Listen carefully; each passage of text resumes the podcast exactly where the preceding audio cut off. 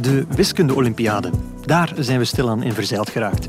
Terwijl Tsjechië, Engeland, Schotland en Kroatië zich de ziel uit het lijf liepen voor ons plezier, haalden wij er een aan bij. Dan toch die derde uit de groep des doods? Of wordt het Zwitserland? Kan het nog Oekraïne worden? Of zorgt Gibraltar alsnog voor een zotte verrassing? Zo verdiept in de cijfertjes dat we amper zagen dat een Engelse fan op Wembley zijn gebit uit de mond juichte bij de goal van Sterling. Tijd om opnieuw focus te houden. Welkom bij Shotcast EK.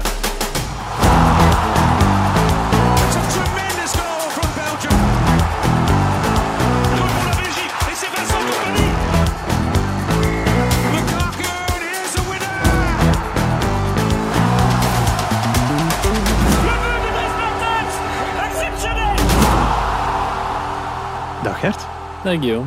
Gert, geen eh, match om drie uur, geen Nee. match om zes uur. Nee. Enkel maar een dubbele partij om negen uur. Dus ja, waar hou jij dan een godsganse dag mee bezig? Ja, bij mij valt dat wel mee, maar, eh, want ik heb ook nog eh, gewoon mijn werk gehad. Maar ehm, ik vroeg me eigenlijk af van morgen al of dat jij er wel mee om kan met de huidige situatie. Want een beetje autistisch kantje toch? Oké, dank Ja? Eh, Eh, ja. want, zaterdag nog drie matchen, 3, 6, 9. Mhm. Zondag plots maar twee matchen om 6 uur. Maandag dan ineens twee matchen om 6 uur, twee matchen om 9 uur. En vandaag ineens maar twee matchen om 9 uur. Wie heeft in godsnaam dat schema samengesteld? Ja, de- dezelfde man, denk ik, die ook het systeem van de beste derdes ontworpen heeft. En om een antwoord te geven op uw vraag, ik, ik kan er niet goed mee om, want wat krijg je dan? Een situatie zoals vandaag, waarin ik rond tien uur plotseling denk van oei, toch maar best iets in het draaiboek schrijven. En te veel tijd, ja, dat zorgt voor eh, veel te laat beginnen. Hè. Ja. Maar we beloven, de kwaliteit heeft er niet onder gelegen. Nee. En anders, luisteraar, kan u dat vanaf nu zelf beoordelen.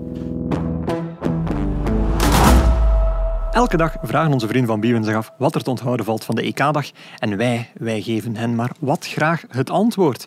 Gert, eh, ja, ik zal het maar eerlijk zijn, je hebt heel de redactie doen schrikken. Het was een beetje een, een stil moment. En plotseling vanuit een hoekje werd er keihard geroepen... Ja, goal! Ja, dat, dat komt ook omdat ik bijna als enige naar die wedstrijd van Kroatië tegen, tegen Schotland, of Schotland-Kroatië Ja. aan het kijken was. En ik zat dan ook met mijn oortjes in, zodat ik mij echt kon focussen op die Ja. wedstrijd. En plots scoorde Luka Modric echt een ja, fantastisch doelpunt. Een beauty. Eigenlijk, iedereen heeft zijn mond vol voor die goal van Patrick Schick. Maar dat zie ik er misschien nog wel meerdere doen. Zo'n eh, zo'n trap van aan de trap van, van ja. aan de middenlijn. Voor open goal eigenlijk. Maar het doelpunt van Luka Modric, net buiten de 16, buitenkantje rechts, met een mooie krul rondom de doelman in de linkerhoek binnen. Ja, dat was van zo'n schoonheid. Ja, sorry dat ik daar voor de redactie heb doen opschrikken, eh, Nee, nee, maar nee, dat, was ik- het, dat was het waard. Ah, wel, ik ben, ik ben getriggerd eigenlijk. En, en ja, ik, ik, je zei Luka Modric en ik dacht ook zo van wie anders. En dat is dezelfde denkwijze die ik zou hebben tien jaar geleden toen ik twintig was. Ja, dan zou ik ook bijna denken wie anders dan Klopt, Luka Modric. want Luka Modric hij overleeft alles en iedereen, hè, Guillaume. Dus ehm Luka Modric is vandaag de oudste doelpuntenmaker geworden eh, op een EK voor Kroatië. Ja, 35 en een chic Ja, waarschijnlijk. hij is wacht, ze, 35 en 286 dagen. Oké. Ehm, maar ehm, hij was ook de jongste doelpuntenmaker ooit voor Kroatië Wow. op een EK. En dat Zalige was, eh, statistiek. ja, dat was tegen Oostenrijk in eh, 2008. En toen was hij 22 jaar en 273 dagen. Dus ja, is een evergreen, hè? Dat is een evergreen, dat klopt, ja. Eh, en ja, ik krijg meteen gelijk, want je wou vanmiddag absoluut deze match doen. En niet een match van Engeland tegen Tsjechië. Omwille van Modric of omwille van iets anders? Nee, ik, ik, ik, ik wilde vooral die wedstrijd tussen Schotland en Kroatië volgen, omdat ik dacht, die ploegen stonden allebei met één punt. Mhm. Die moesten allebei winnen om geplaatst te worden. Ik dacht van, ja, dat gaat hier gewoon een, een spektakelstuk zijn. Twee ploegen die, eh, die aanva- aanvallen, die, die zeker naar het einde toe, als het lang gelijke stand zou blijven, dat het ja, op en af en, en, en veel kansen en drama, maar... En, en aan uw glimlach te zien, was het dat dan ook? Nee, dat was het, eh, dat was het niet eigenlijk. Eh, het, was, het was wel, de, de voorwaarden waren er wel goed voor, want bij de rust was het nog 1-1. Mhm. hè, dus dan denk je, oké, ja, nu gaat het losbarsten. Ik zat er ook echt op te wachten. Ja. Ehm, maar het gebeurde niet. Eh, het En, en hoe kwam het dan? Ja, eigenlijk, eerlijk gezegd, het kwam door het eh, kwaliteitsverschil. Eh, Ja. Toch wel. Ehm, Kroatië had zes spelers van de elf ehm, die nog op een WK-finale stonden drie jaar geleden. Daar hou je wel iets van over als speler. Terwijl Schotland al van 98 op geen toernooi meer heeft Mhm. gestaan en jongens als O'Donnell in hun ploeg heeft lopen. Dus ehm, ja, het kwaliteitsverschil was te groot. En, en al, al snel in de tweede helft werd Kroatië echt dominant. Mhm. Kon Schotland er nog maar weinig tegen inbrengen. Ehm, ze kregen kansen, eh, Kroatië via Gvardiol, via Perisic. Dat wel, hij was wel buitenspel. Maar op het moment dat Modric dat, dat tweede doelpunt maakt, Was dat al- ja, dan voelt je wel, dan voelde eigenlijk Schotland gaat hier toch het gaat hier geen slot offensief niet meer worden. Schotland gaat hier niks meer tegen terug doen. En uiteindelijk maakt Perisic nog zijn tweede van de Ja. avond. Want hij had ook voor al gescoord. eh, werd het 3-1 en En dat ja, was het gedaan. boeken toe. Nu, ehm, Schotland scoorde wel voor de eerste keer sinds, sinds eh, 96 op een EK. Want Ja. nadien zijn ze er ook gewoon niet meer bij geweest op een EK. Dat lijkt mij nu zo'n feitje te zijn waar onze weter, alweter van de nutteloze weetjes wel iets rond kon vinden of bedenken. Absoluut, absoluut. Want, want, eh, eigenlijk echt wel een grappig, grappig feit.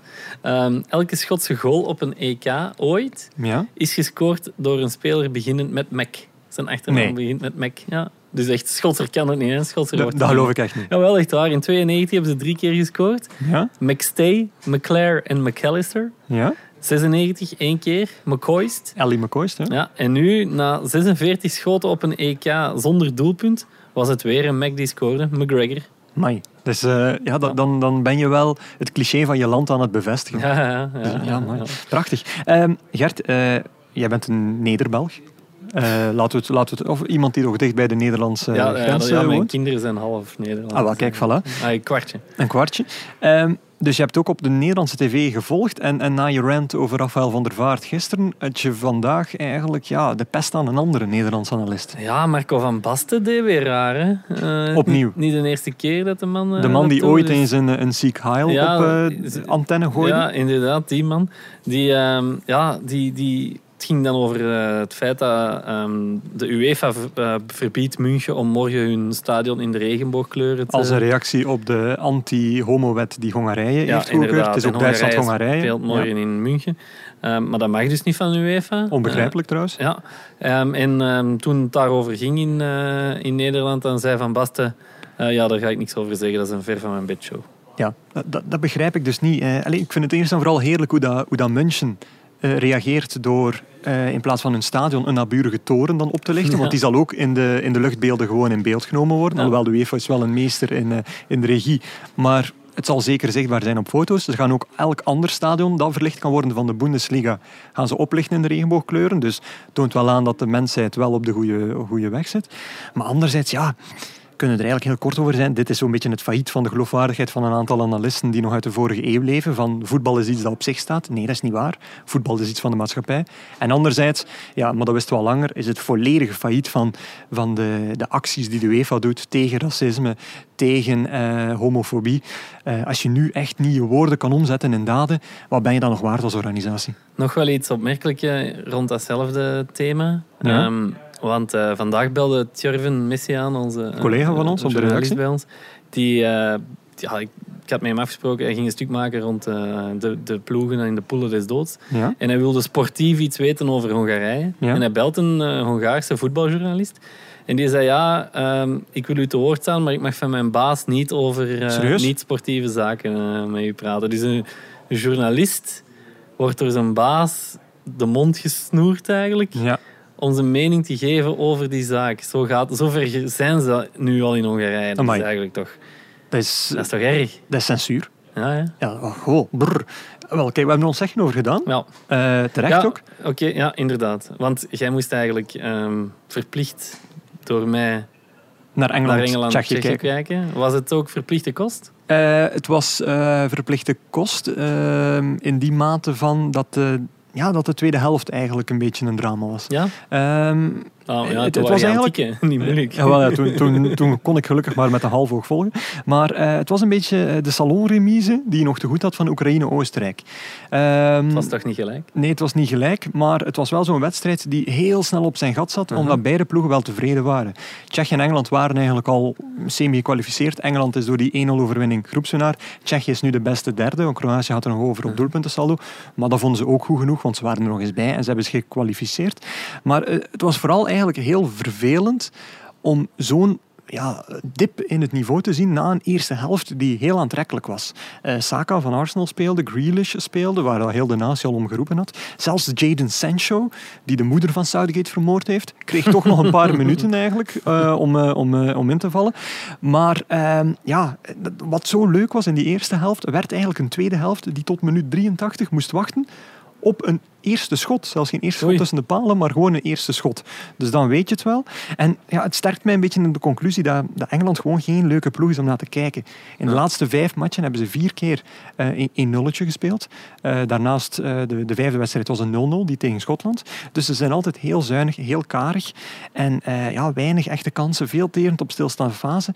En dat is een beetje zonde van al dat aanvallend talent. Ik zeg Saka, ik zeg Grealish, ik zeg Sancho, ik zeg Sterling, ik zeg Kane, ik zeg Rashford.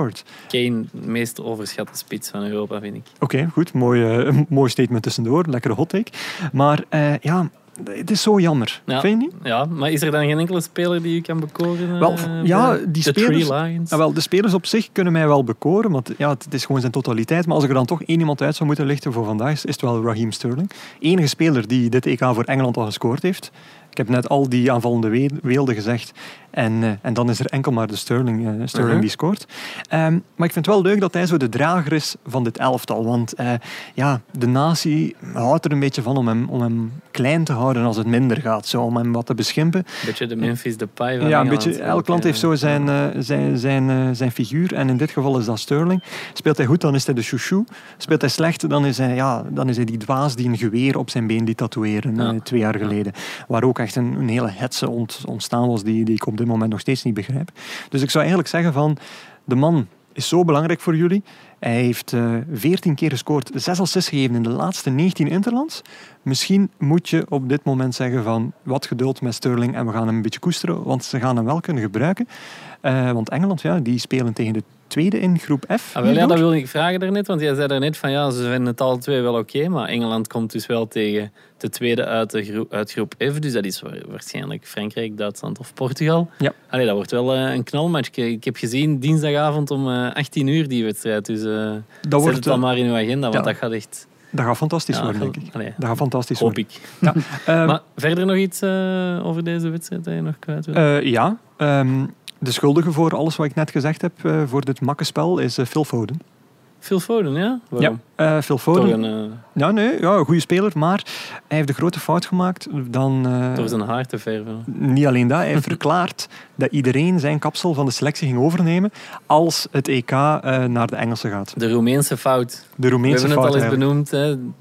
De Roemenen die allemaal hun haar geblondeerd hadden en die eigenlijk achteraf zeiden van ja, dat was het eigenlijk begin van het einde. Dus Phil Foden heeft eigenlijk begin van het einde ingeluid. voor De Engeland. vakantie is begonnen voor Engeland. Ja, dat door, kan wel. door die uitspraak, hè, zoals bij de Roemenen toen was. Ah, wel, het is een beetje een, eh, misschien een overtrokken conclusie, maar eh, ja, het zit misschien wel iets van waarheid in. Ja, inderdaad. Nu, eh, ik ga ook een serieus antwoord geven op die vraag van dat nutteloos weetje. Want het viel mij op hoe, ehm, hoe, hoe moeilijk spelers het soms hebben om het volkslied te zingen. Niet dat ze de tekst niet kennen, niet dat ze niet weten wat, wat, het, wat het metrum is of zo. Maar ehm, ik heb het gevoel, ja, de, de muziek is blijkbaar niet eh, tot hun hoogte doorgedrongen, want ze zingen soms eens volledig naast de maat. En dan moeten ze zich herpakken tijdens het eh, volkslied. Dan geraken ze er niet meer. Dan, ja, like nu met die Engelsen zaten er volledig naast. En zelfs de Italianen zaten al eens volledig naast de muziek. Maar dat werd zo gescandeerd door heel het stadion dat dat niet opviel. Ja, Ik snap dat Hoe wel. komt dat? Ja, ik snap dat wel. Ehm, het is echt eh, op een heel vreemde manier dat ik dat eigenlijk snap. ja. Ik heb vroeger als eh, kind eh, heb ik nog optredens gegeven op, eh, in voetbalstadions, in het midden van voetbalvelden. Sokkerpal heette dat. Ah, oké. Ik dacht al als een soort muzikant nee, of zo. nee, nee, nee, sokkerpal. Dus zo voetbal eh, aan, een, aan een touwke op muziek, kunstjes doen, daar komt het eigenlijk op neer. Oh, en dan in een groep van 30 of zo. Ja, nee, minder. We waren met acht of zo. Oké. Maar dat was dan tijdens de rust. Stond ik in de, ik heb in de kuip gestaan. Hè, Guillaume, in het midden van, midden Echt? van het veld. Hè, tijdens een wedstrijd van Feyenoord. Ik heb, op- ik heb op Anderlecht gestaan, op Genk. Dan denk je Hey, dat je iemand kent. Ja, En dan, eh, inderdaad. Eh, maar dus, om even terug te komen op die muziek. Ja. Dat was vaak een probleem als je in het midden van zo'n stadion staat. Dus die speakers, die boxen, die zijn gericht op het publiek. Ja.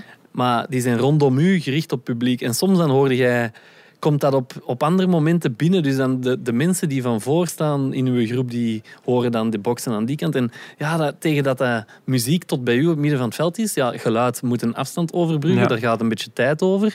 Dan kan het wel eens zijn dat je niet op hetzelfde moment zit als dat de mensen het horen in de tribune. Dat was iets, een, een probleem waar wij toen ook mee, mee te maken kregen eigenlijk.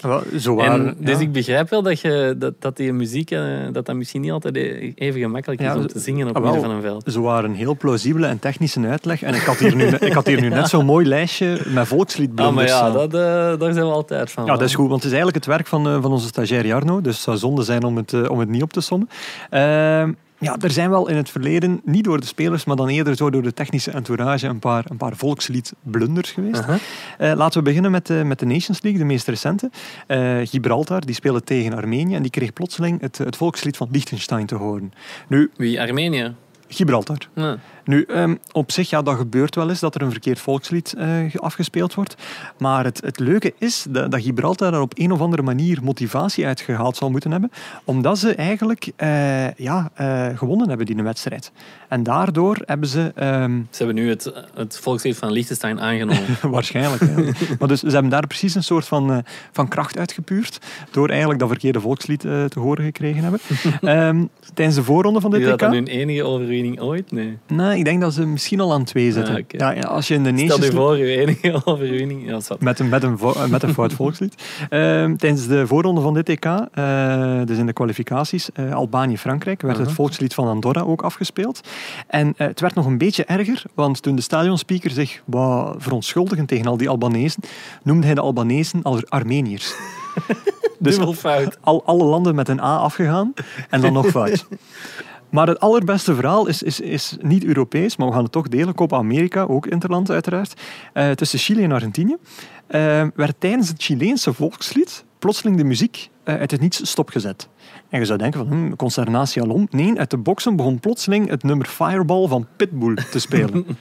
en eh, ja, iedereen was redelijk verbijsterd en dacht van, wat, een, wat een flagrante fout.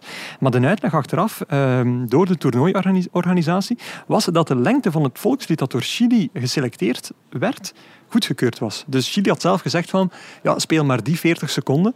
Eh, en blijkbaar dat- zullen dat dus 40 seconden, eh, was dan te weinig. En plotseling ging dat over in het, in het nummer van, eh, van Pitbull, want dat was, en ik quote, het volgende nummer in de afspeellijst. Oké. Ik zeg, eh, ja, hier gaan we niet meer boven gaan. Nee. Dus we zijn weer helemaal mee. Tijd om over te gaan naar de wisselrubriek. Vragen staat vrij. Help! Onze mailbox staat in brand, nog steeds zelfs. In deze rubriek behandelen wij al uw vragen, dwaas of niet. En de vraag van, eh, van deze keer, ik ging zeggen deze week, maar we zijn er elke dag, dus ik zal zeggen deze keer, eh, is er eentje van Renilde Blijs. Gert, waarom spelen de deelregio's van Groot-Brittannië altijd apart op een EK-WK en andere landen doen dat niet? Ehm, ja, dat is eigenlijk een vrij simpel antwoord. En dat is eigenlijk omdat de FIFA een eh, uitzondering eh, toestaat voor eh, die landen. En waarom? Want eigenlijk mag dat dus niet. Hè. Eigenlijk moet jij ehm, als, als mag er van één land, erkend land, hè, Ja. Groot-Brittannië is een erkend land, mag er maar één, één afgevaardigde zijn. Dus één Ja. bond. Als jij wilt, als jij zeven bonden in je land wilt, dan moet jij weten, zegt de FIFA en UEFA. Maar je mag maar één nationale ploeg afvaardigen en die, allee, wie dat, dat is, dat, allee, dat is er maar één. In België heb je bijvoorbeeld ook Voetbal Vlaanderen, dat is ook een aparte bond, maar Ja. die heeft geen nationale ploeg. Allee, geen ploeg. Dus een beetje daarmee vergelijkbaar. Ehm, maar waarom krijgen die, eh, krijgen die, die, die, die uitzondering? Dat is eigenlijk door hun bijdrage aan het internationale voetbal vanaf de start. Ja. Ehm, je hebt dat al eens verteld hier, dat Engeland-Schotland was de allereerste interland ooit. Hè? Dat was in 1872. 1872. Maar ook het allereerste internationale toernooi ooit was Ja. de British International Championship. Dus dat was tussen de vertegenwoordigers van de vier oudste bonden Ja. ook. Engeland, Schotland, Wales en Ierland.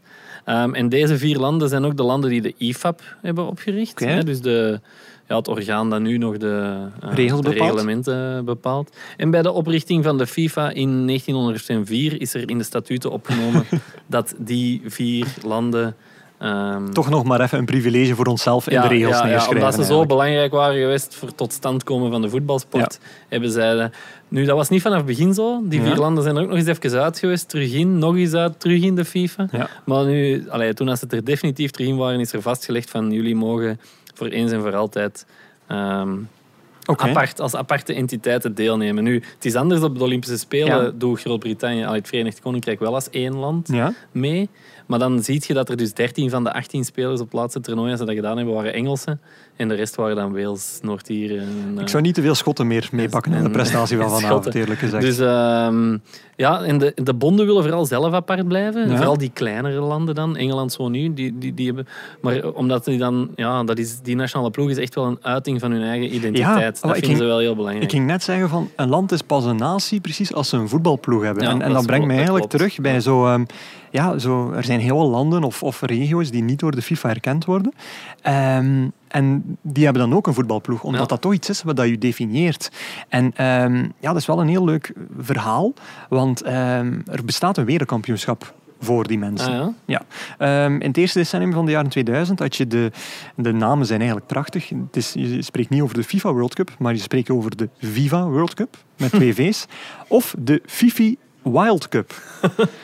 Wat, wat nog beter is. En die willen dan serieus genomen worden eh, met zo'n naam? Blijkbaar wel, maar dat waren zo twee organisaties met hetzelfde doel, namelijk een WK organiseren voor ploegen of regio's die niet erkend zijn.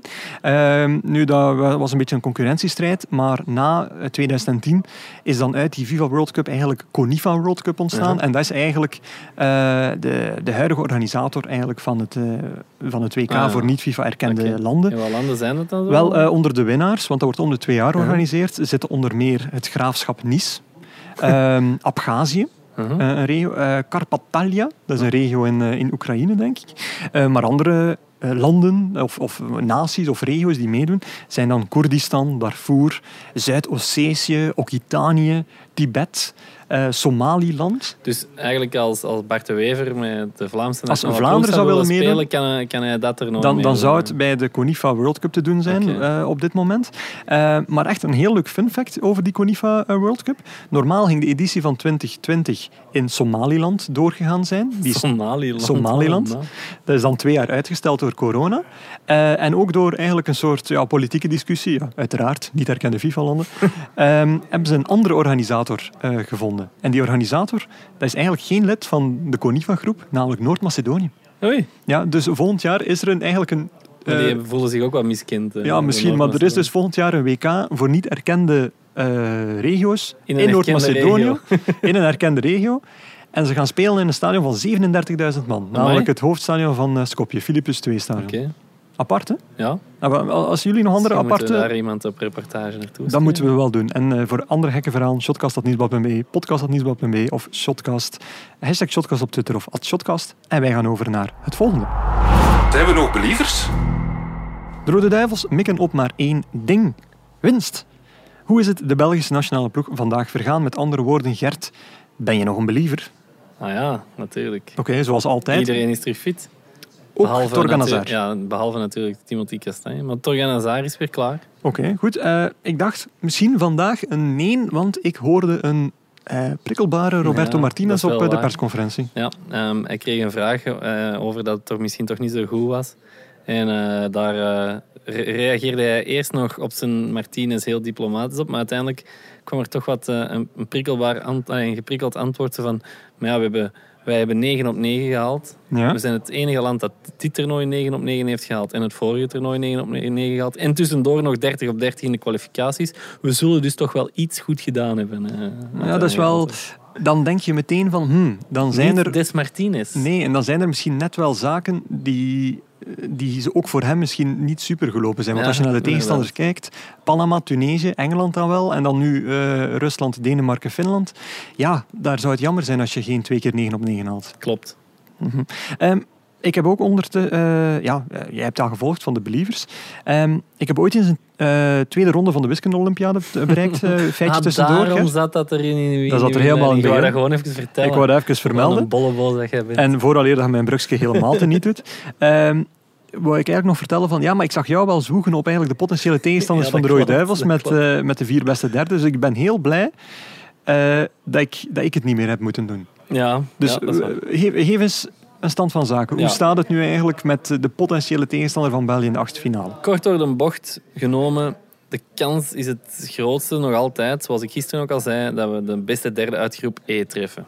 E. Ja, Ehm, dus dat is, Dus niet de groep des doods. Dat is een groep met Spanje, Polen, Zweden en Slowakije. Oké. Ehm, dus er zijn nog vier, scenario, ah, er zijn nog vier potentiële scenario's over. Twee daarvan ehm, komen België uit tegen een ploeg uit groep E. Momenteel staat Spanje daar derde, maar dat kan natuurlijk ook nog Slowakije en Zweden worden. Polen kan dat niet meer worden. Die kunnen in geen enkel scenario, die kunnen nog wel doorgaan, maar die kunnen in geen enkel scenario De derde. derde. Derde, worden in die groep. Ehm, alleen als die groep E geen beste derde levert en Ja. groep F wel, Ja. dan treffen de Rode Duivels ehm, de beste van groep F, de poelen des doods. Dus Oké. Portugal, Duitsland, Frankrijk. Dus ehm, als Spanje verliest ehm, en Polen verliest, Ja. dan hebben we het aan ons span. Allee, Dan hebben we het aan ons span. ja, dan moet het tegen een ploeg uit groep F. Oké. Tot slot Tot slot, ja. behoort ook Het is totaal niet ingewikkeld. ja. Zwitserland tot de opties, als ook uit die groep F geen beste derde komt. Maar dat is weinig plausibel, want daar Ja. is het op dit moment 4-3-3-1. Ja, ja inderdaad. En ja, met drie punten Ja, en een positief doelsaldo komt al heel ver. Ja, inderdaad. Oké, goed. Dus eh, we moeten nog steeds een beetje ja, bibberen. Allee, in, in mijn optiek, ja, je treft ze ooit eens. Dus dan mag je ze Ja, gerust ook al in dus de 1-8 finale Het kan treffen. een heel mooi... Stel nu, het wordt Spanje of, of zelfs Duitsland, eh, Duitsland of Portugal. Ja, Dan kan het dus een, een parcours worden voor België met achtste finale Spanje of Duitsland. oké. Kwartfinale Italië. Dat ligt al vast. Halve finale Frankrijk. Ja, Of Duitsland dan, als die groepsfinale. En finale Holland. oké. Dus ja. droomscenario. Ja, ja. Als je een EK wint, doe het dan goed. Op die manier, ja. Ça va. inderdaad. Alright, over naar het laatste. Dit was het alweer, eh, uw dagelijkse update over het EK. Geen quiz zoals u van ons in het reguliere seizoen gewoon bent, maar via de app van het Nieuwsblad kan u deelnemen aan de Believers Quiz, waar u 10 vragen moet oplossen in 13 seconden 87 honderdsten. Gert, wat staat er eh, vandaag in de krant? Ehm, ja, nog eens, een, nog eens terug naar 1992. Ah, ik dacht jouw gekke analyse die je net hebt eh, verteld Ook, over de die beste staat er ook in, Die ja, staat er ook in, oké. Eh, maar iedereen kent het verhaal van de Denen, dat die in 1992 eh, ja, eerst niet geplaatst waren, Mhm. dan toch naar het toernooi mochten en het, en het nog wonnen. Ehm, maar eigenlijk, niemand kent het verhaal van de onfortuinlijke Joegoslaven, die, Inderdaad, die- waarvan Denen de, de Denemarken de plek innam. Ja. En die waren eigenlijk topfavoriet voor dat toernooi. Ehm, Is het? ja, maar dat staat dus morgen eh, in, het, eh, in het nieuwsblad. Hoe voetballers de speelbal werden van de wereldpolitiek. Alright. Eh, is het eigenlijk. Want ja, het was door de oorlog in Joegoslavië dat zij niet mochten voetballen. Oké. Ehm, dus ja, dat kan je lezen als je geabonneerd bent. Ben je nog niet geabonneerd, kan dat aan 2,99 euro per week. Nieuwsblad.be slash actie. Oké, je gaat het nooit meer fout zeggen. Nee, nee, Inderdaad. Eh, de kalender voor vandaag. Eh, zes uur Slowakije-Spanje. Zes uur Zweden-Polen. Lekker gevuld. Negen uur Duitsland-Hongarije. Negen uur Portugal-Frankrijk. Wauw. Gert, eh, ja, naar welke match van die vier kijk jij het meest uit? Ja, Slowakije, Spanje. Dus ga jij je om 6 uur op, opofferen om dan Zweden-Polen te kijken morgen? Eh, als ik dan om negen uur naar Portugal-Frankrijk mag Ah, kijken. Ja, misschien moeten we nog een strookje trekken. eh, dan gaan we een strootje trekken. Maar eh, Nee, nee, we, we- we praten er nog over. We gaan er nog ik kijk dus eigenlijk vooral naar, uit naar Slowakije en Spanje, omdat Luis Enrique speelt ook voor zijn job. ja, Ehm hij kreeg al de vraag of hij vreest voor ontslag. Dus ja, dat, wordt, allee, dat, is, dat zit er dan Mijn voorspelling is wel een beetje uitgekomen, want op de volgende persconferenties is het dus niet meer gegaan over Morata al dan niet in de spits, maar wel over Enrique al dan niet bondscoach Ja, Spanje. inderdaad. Ehm, ja, maar hij wordt op de korrel genomen voor verschillende beslissingen. Ramos zit er niet bij, slechts 24 spelers in de selectie, terwijl er 26 mogen. Ja. En dan valt er nog één uit met corona. De pennen zijn gescherpt en de hakbijl ligt klaar. Wauw, eh, wat, een, wat een uitspraak. Bijna even goed als eigenlijk Luis Enrique, die, eh, die zich verdedigde op de persconferentie vandaag. En, en zei van, ja jongens, heb geduld, want wij zijn als een fles cava die bijna ontkurkt wordt. Ja, ik, ik denk dan, je kunt een fles cava ook ontkurken zonder dat het, het er allemaal uitspuit. hè. Ja, het kan eh, ook gutsen dan. Ja, dus ik ben, inderdaad. ik ben heel benieuwd of het spuiten of gutsen wordt morgen. Wie megascore mist en geen nood heeft aan seksueel innuendo eh, en zich graag waagt aan een gratis EK-prono met vrienden, kan altijd terecht bij bchamp.bwin.be. Dan kijk ik nog eens heel snel naar onze goede producer eh, Benjamin. Dat is 30 minuten op de kop, gok ik. Bijna, bijna perfect. Bijna Ja. perfect. Ah, wel, dan ga ik zeggen, geniet van het EK, mens. Geniet van die topdag die eh, vandaag eigenlijk is, die vanavond zal plaatsvinden. En tot morgen. Dit was Shotcast EK, uw dagelijkse afspraak met de voetbalpodcast van het Nieuwsblad. De presentatie was in handen van Guillaume Mabe, Gert Gijssen en Lars Godot. Jarno Herftijd hielp bij de rubriekjes. Biwin is onze trouwe en geliefde sponsor. De muziek werd verzorgd door Stef Leenaerts van House of Media. Zijn collega's verzorgden de montage, waarvoor grote dank.